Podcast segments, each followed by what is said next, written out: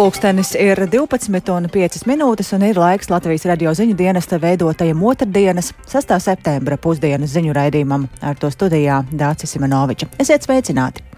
Un vispirms par dažiem šīs dienas tematiem. Valdība līdz nākamā gada vidum aptura automātisku uzturēšanās atļauju pagarināšanu Krievijas un Baltkrievijas pilsoņiem.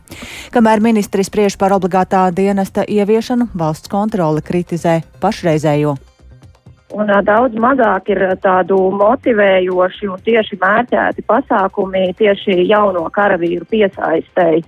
Ar tik mazu jaunpienācēju skaitu ilgtermiņā mums var būt izaicinājums. Lielveikali samazina darba laikus un ar solījumu nepalielināt fiksēt cenas noteiktām preču grupām. To ir atļauts darīt, ja tas notiek uz pašu uzņēmuma rēķina, piemēram, uz peļņas rēķina. Taču mazumtirgotāji nedrīkst fiksēt cenas uz piegādātāju rēķina. Pirms gaidāmā starptautiskā atomenerģijas aģentūras ziņojuma Ukrainā joprojām apšauda arī Zaporīžas atomelektrostacijas apkārtni. Вважаю той факт, що Росія робить це. Krievija ir ieinteresēta tikai tajā, lai situācija saglabātos tikpat saspīlēta arī turpmāk.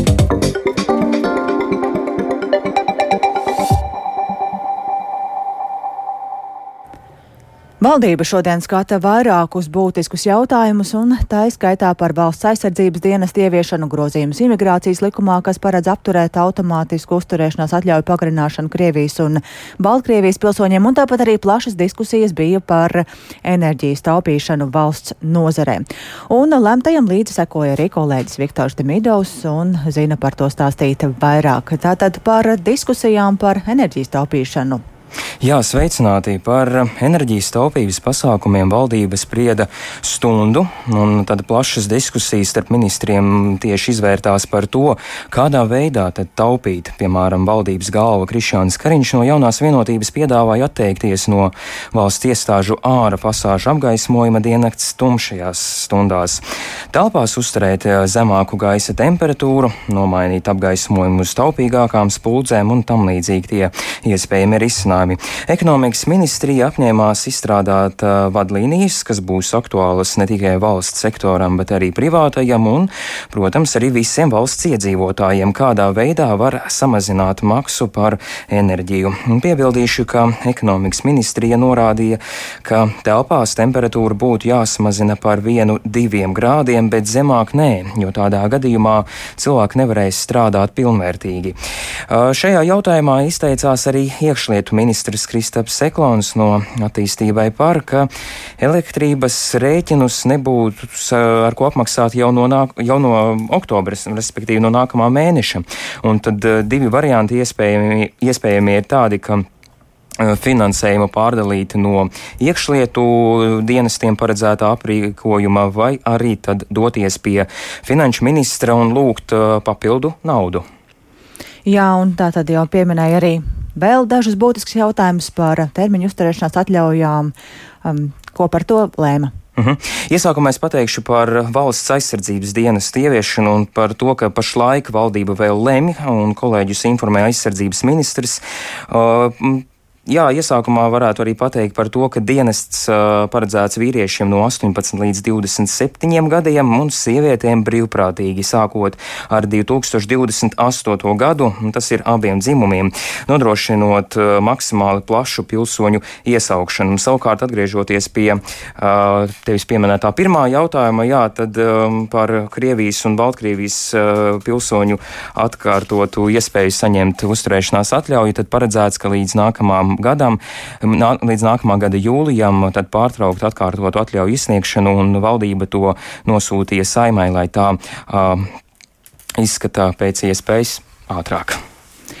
Jā, paldies. Studijā bija kolēģis Viktors Demidovs un eh, jau pieminētais obligātais dienests, kamēr ministrs spriež par obligātā dienesta ieviešanu valsts kontrole, kritizē pašreizējo. Valsts kontrole aicina darīt vairāk jaunu karavīru piesaistēji. Demogrāfijas negatīvās tendences un starptautiskā drošības situācija prasa proaktīvu rīcību jaunu speciālistu piesaistēji un noturēšanai nacionālajos bruņotajos spēkos, un tā revīzijā ir secinājusi valsts kontrole. Līdz šim lielākā uzmanība ir pievērsta esošā esošā personāla noturēšanai dienestā, nevis jauna piesaistīšanai tā, sacīja valsts kontrolas padomas locekla Kristīna Jaunzeme.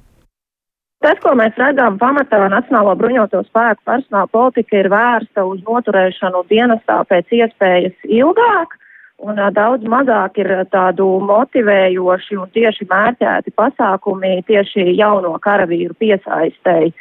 Vairāk nekā 80% karavīri ir augstāko pakāpju kategorijās, proti instruktori un virsnieki, un, un tikai mazāk kā 20% ir karavīri ieejas pozīcijās dienestā.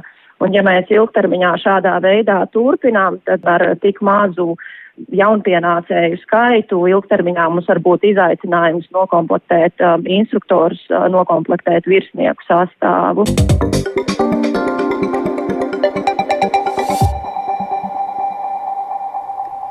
Ja dažādas akcijas, kas dod iespēju iegādāties produktus par zemāku cenu pārtiks veikalos, ir ierasta prakse, tad krīzes laika risinājums ir cenu fiksēšana. Un šādu risinājumu no šodienas ieviesis mazumtirdzniecības tīkls Rimī. Līna Zelāne skaidro, vai tas nav pretrunā ar godīgas tirdzniecības praksi un ko par šādu iniciatīvu domā pārtiks ražotāji un piegādātāji.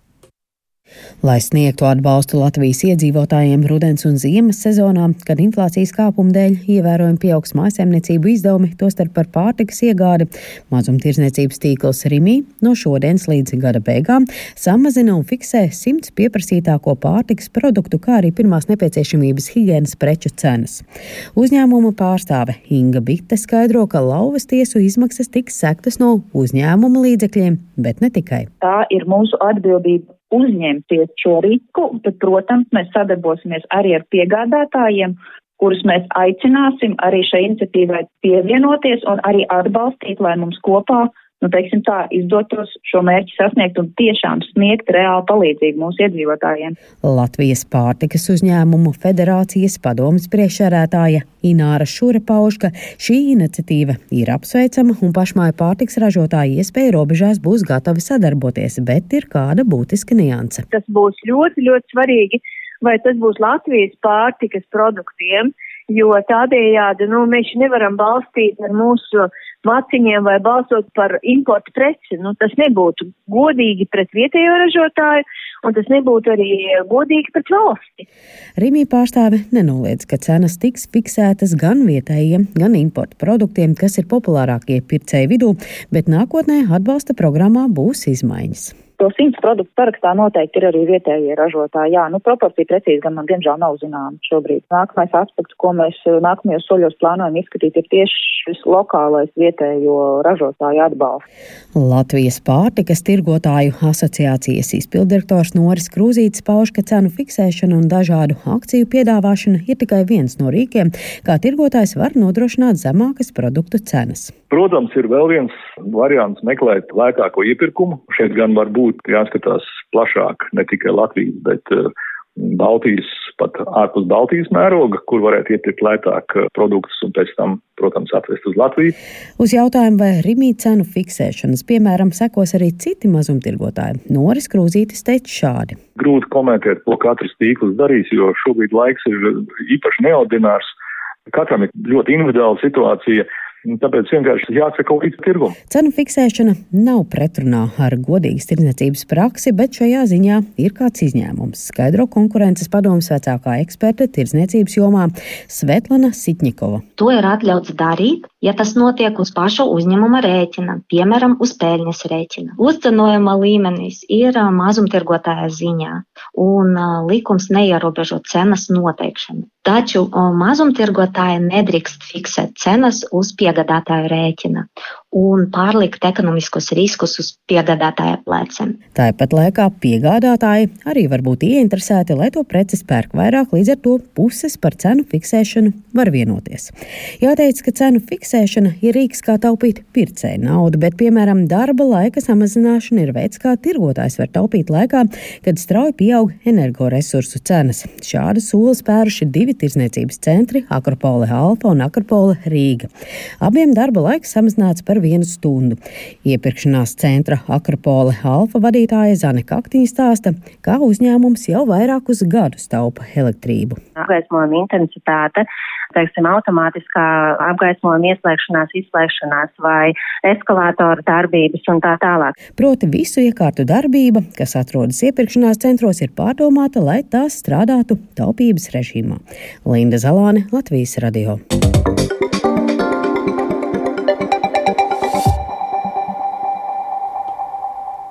Pedagoģa algu palielināšana saskaņā ar Latvijas izglītības un zinātnes darbinieku arotbiedrības prasībām nākamajā gadā būtu nepieciešams papildu valsts finansējums 139 miljonu eiro apmērā. Tā saimas izglītības komisijas sēdē deputātiem atklāja izglītības un zinātnes ministrs padomnieks juridiskajos jautājumos Jānis Ozols no konservatīvajiem.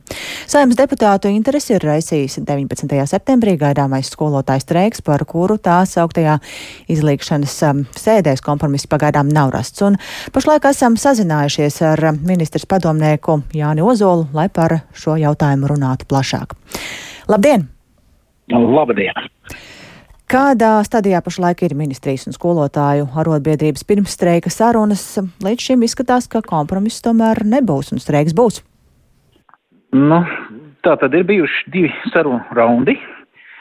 Uh, neizskatās, ka uh, izglītības ministrijas priešlikumi uh, būtu sasnieguši mērķi, un, un, bet kopumā jāsaka, ka mums vēl sarunas notiks rītdien, trešais rauns. Šobrīd ministrija strādā kopā ar premjeru un finanšu ministru pie jauna priešlikuma, bet, bet to tad mums rītdien rādīs, vai mēs spēsim vienoties vai nē. Atgādiniet vēlreiz īsi tos jūsu priekšlikumus. Tātad priekšlikumi, ar kuriem izglītības ministrija ir nākusi pie izglītības darbinieku arotbiedrības, ir saistīti ar mm, mācību materiālu sagatavošanu digitalizētā veidā, pātrinātā teiksim, kārtībā, kā rezultātā šī gada laikā būtu sagaidāms, ka ir papildus pienākumiem skolotājiem jāvelk mazāk darba. Tas ir veids, kā, kā mēs varētu nākt tajā sadaļā pretī, kas attiecas uz uh, 60-40 proporciju noteikšanu uh, skolotāja darba, teiksim, samaksas aprēķinam. Tā ir viena sadaļa. Ir sadaļa, kas attiecas uz, uz uh, pirmsskolas pedagoģu darba slodzes sabalansēšanu uz 30-10, bet te viena pati ministrija neko nevar lemt, jo tas ietekmē tieši pašvaldību budžets. Tātad tas viss ir jautājums, kas jārisina ar uh, pašvaldību budžetiem, bet šīs ir tātad tie priešlikumi, kas attiecās tieši uz streika prasības, prasības sadaļām un uh, kur šobrīd mēs neesam saklausījuši, ka mēs esam sadzirdēti. Uh, jūs teicāt, ka runājat ar finanšu ministru, tāpat ar valdības vadītāju, par ko ir šīs sarunas jums? Šīs sarunas kā reizes ir arī par to, kas tad ir tās, tās nu, uh, kopējo prasību sadaļas ir milzīgas, kā jau jūs pie ievada, ievada teikumā teicāt. Līdz ar to mēs skatāmies, kura sadaļa var būt ir apmierināma, kur var atļauties šī budžeta ietvaros um, apmierināt. Un to neapšaubām nelēma tikai viena pati izglītības ministrija, tas ir tomēr jāskatās visu valsts budžets kopumā. Un ir kādi varianti varbūt? Nu, šobrīd es nenosaukšu, jo tieši šobrīd notiek šīs sarunas, un rītdien tātad viņas tiks, eh, šie varbūt tie priekšlikumi tiks prezentēti Lizdai. Par eh, skolotāju algām tātad ir vajadzīgiem papildus 140 miljoniem eiro un nerunā ne valdība, nedz arī akcentē ministrija. Kāpēc tā vai nu, neredzat vajadzību pēc šīs naudas vai arī esat nu, valdībā atstāti vieni šajā problēmā? Es nevaru piekrist viedoklim, ka uh, izglītības ministrija atstāta viena. Uh, Um, ir cits jautājums par to, ka līdz šim ir bijis spēkā zemākās algas likums celšanas grafiks. Uh, šī grafika turpināšana ir paredzēta arī jau ministra kabinetā nodotajos uh, noteikumos, uh, noteikumu projektā. Bet uh, nu, Līsda tā tad ir izvirzījusi prasību, šais uh, algas uh, celšanas ātrumam ir jābūt lielākam. Uh, Nu, un šeit mums ir šī pretruna iestājusies, ka mēs nesaredzam, tātad kā valdība, nesaredzam, kā varētu līdzes prasības ietērpt budžetā. Bet beztermiņa streiks, kas solīts no 19. septembra, tas jūs nebaida? Nu, es teikšu tā, ka baida tā nesamērība, jo pirmkārt ir streiks kā tiesības un patiesībā kā dialogu forma arī ir paredzēta likumā noregulēta. Jautājums ir, vai šis streiks ir streika dēļ vai, vai šis streiks ir tādēļ, lai sasniegtu kādas sasniedzamas vajadzības. Tādēļ ir arī tāds labs jautājums, vai, vai tam patiešām ir jānotiek šobrīd, kad valdība ir izpildījusi iepriekšējos grafikus un kad notiek darbs pie jauna grafika pirms vēlēšanām, vai tam jānotiek tieši šobrīd, vai tam obligāti ir jā, bija jābūt beztermiņa, jo tas ir tomēr tāds lozungs uzvarēt vai mirt. Un, nu, es pieņemu, ka šis tomēr ir tāds nav situācijai adekvāts solis. Es pieņemu, ka bija citādākas iespējas šo jautājumu risināt, pat ja izvēlētos streiku. Jā, paldies. Mēs sazinājāmies ar izglītības un zinātnes ministrs padomnieku juridiskajos jautājumos Jāni Ozolu no konservatīvajiem un atgādināšu, ka rīt ir paredzētas vēl pirms streika pēdējās izlīguma sarunas arotbiedrībai ar ministriju.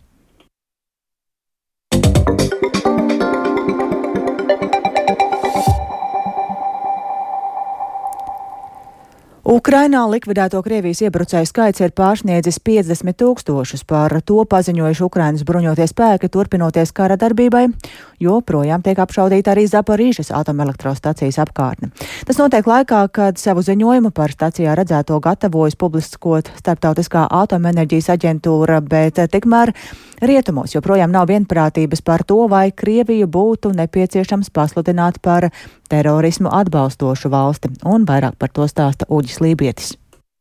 Visai saudabīgu jubileju kara 194. dienā šodien atzīmē Ukraiņas bruņotie spēki. Proti, kā liecina Ukraiņas sniegtā informācija, Krievijas iebrucēju upuru skaits ir sasniedzis 50 tūkstošus, bet gūstā saņemt vairāk nekā tūkstots Krievijas karavīru.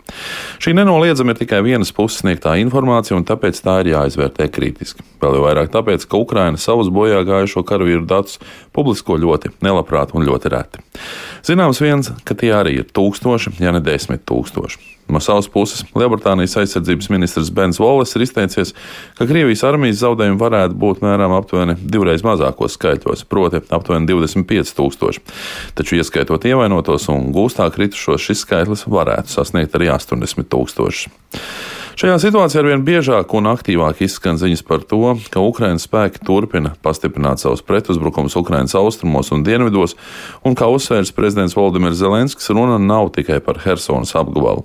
Šādu virzienu ir vairāk, taču sīkāk ziņas gan netiek sniegts, lai ienaidniekam tomēr atstātu kādus pārsteigumus.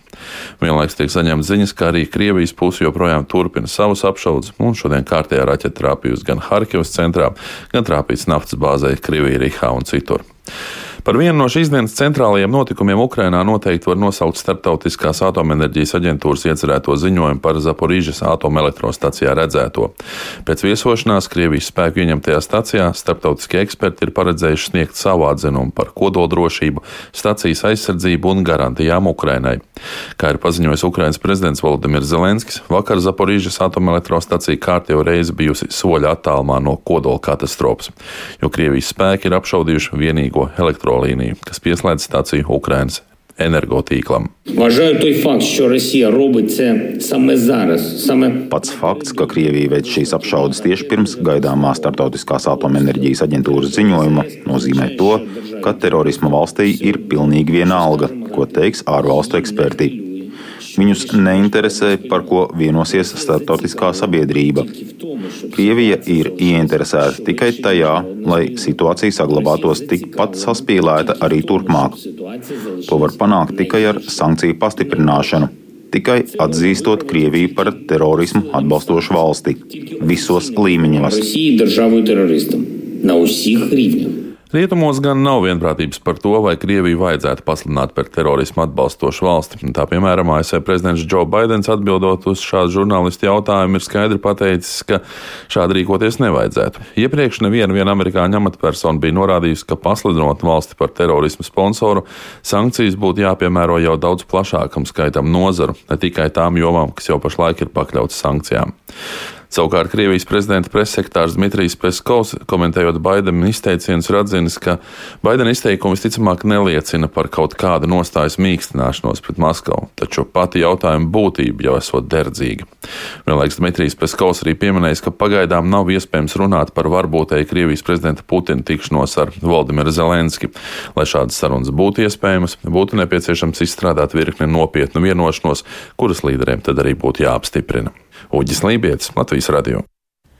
Tradicionālo energoresursu cenu straujais pieaugums un lēmums atteikties no Krievijas dabasgāzes Eiropas Savienībā ir veicinājis atbalstu kodolenerģijai. Bloka dalība valstis, kas vēl nesen plānoja pilnībā atteikties no tās, ir atlikušas ieceri uz vēlāku laiku. Bet citas valstis ziņo par plāniem būvēt jaunus kodola reaktorus, lai samazinātu nepieciešamību importēt energoresursus. Plašāk par to Ulda Ķezbera ierakstā. Eiropas parlaments jūlijā atbalstīja Eiropas komisijas ierosinājumu iekļaut dabasgāzi un atomenerģiju videi draudzīgo investīciju klasifikatorā jeb taksonomijā, lai samazinātu atkarību no Krievijas gāzes un vienlaikus sasniegtu Eiropas Savienības mērķi līdz 2050. gadam kļūt klimatneitrālai. Eiropas zaļie politiķi un vides aizstāvji protestēja pret šo lēmumu, norādot, ka gāzes un atomenerģijas iekļaušana taksonomijā padara šo dokumentu par bezjēdzīgu, jo investori to negribēs izmantot. Austrijas un Luksemburgas valdības grasās apstrīdēt klasifikātoru tiesā. Savukārt Eiropas Savienības iekšējā tirgus komisārs Thierry Bretons norāda, ka bloks nevarēs sasniegt klimata neutralitāti bez kodolenerģijas izmantošanas. Pašreizējā enerģētikas krīze, ko pastiprināja Krievijas iebrukums Ukrainā, ir veicinājusi valstu atbalstu atomenerģijas izmantošanai. Eiropas Savienības prezidējošā dalībvalsts Čehija ir paziņojusi par nodomu paplašināt vienu no savām divām padomju laikos būvētajām atomelektrostacijām. Jaunu reaktoru plānots izbūvēt Dukovanu atomelektrostacijā, kur pašlaik darbojas četri reaktori. Būvniecības darbus paredzēts sākt 2029. gadā, bet tiem vajadzētu noslēgties 2036. gadā. Projekta kopējās izmaksas būs 7 miljardi eiro. Čehi vēlas, lai nākotnē gandrīz puse valstī patērētās elektrības nāktu no atomelektrostacijām. Arī Polijas valdība ir devusi zaļo gaismu valstī pirmās atomelektrostacijas celtniecībai, kas ir jāpārāk jāpabeidz līdz 2033. gadam. Savukārt Somija līdz šī gada beigām energoapgādes tīklam plāno pieslēgt jau sesto kodolreaktoru. Līdz ar to atomelektrostacijas nodrošinās 60% no valstī nepieciešamās elektroenerģijas. Ungārijas valdība paziņojusi, ka tuvākajā laikā sāksies valstī vienīgās atomelektrostācijas paplašināšanas darbi. Pašlaik Pakšas atomelektrostacijā darbojas četri kodolreaktori, bet līdz 2030. gadam paredzēts uzbūvēt vēl divus. 12,5 miljārdu eiro vērtā projekta pretinieki norāda, ka tas padziļinās Ungārijas enerģētisko atkarību no Krievijas, jo Pakšas atomelektrostacijas paplašināšana ir uzticēta Krievijas valsts uzņēmumam Rosatom, kas arī nodrošina nodrošinās daļu no projektam nepieciešamā finansējuma. Arī Latvijas tuvāko kaimiņu valstu Lietuvas un Igaunijas valdībām ir pozitīva attieksme pret iespēju nākotnē uzbūvēt atomelektrostācijas, lai veicinātu enerģētisko neatkarību. Vairākas Eiropas Savienības dalībvalstis, kuras iepriekš plānoja atteikties no atomenerģijas izmantošanas, ir pārdomājušas. Beļģijas valdība iepriekš bija vienojusies, ka līdz 2025. gada beigām ir jāslēdz Doeles un Tianģas atomelektrostacijas, kurās darbojas kopumā septiņi reaktori. Taču tagad valdība atomelektrostaciju slēgšanu vēlas atlikt par vismaz desmit gadiem.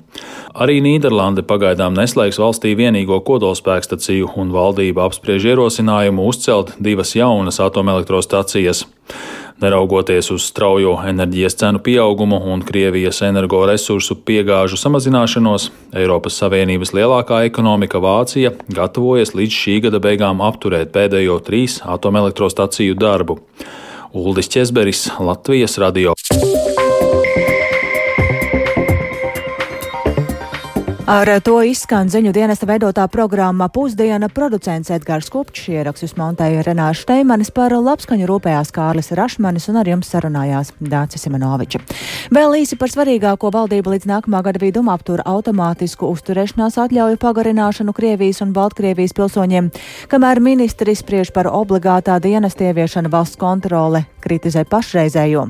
Lielveikali samazina darba laikus un ar solījumu nepalielināt, fiksē cenas noteiktām preču grupām un pirms gaidāmā starptautiskā atomenerģijas aģentūras ziņojuma Ukrainā joprojām apšauda arī Zaporīžas atomelektrostacijas apkārtni.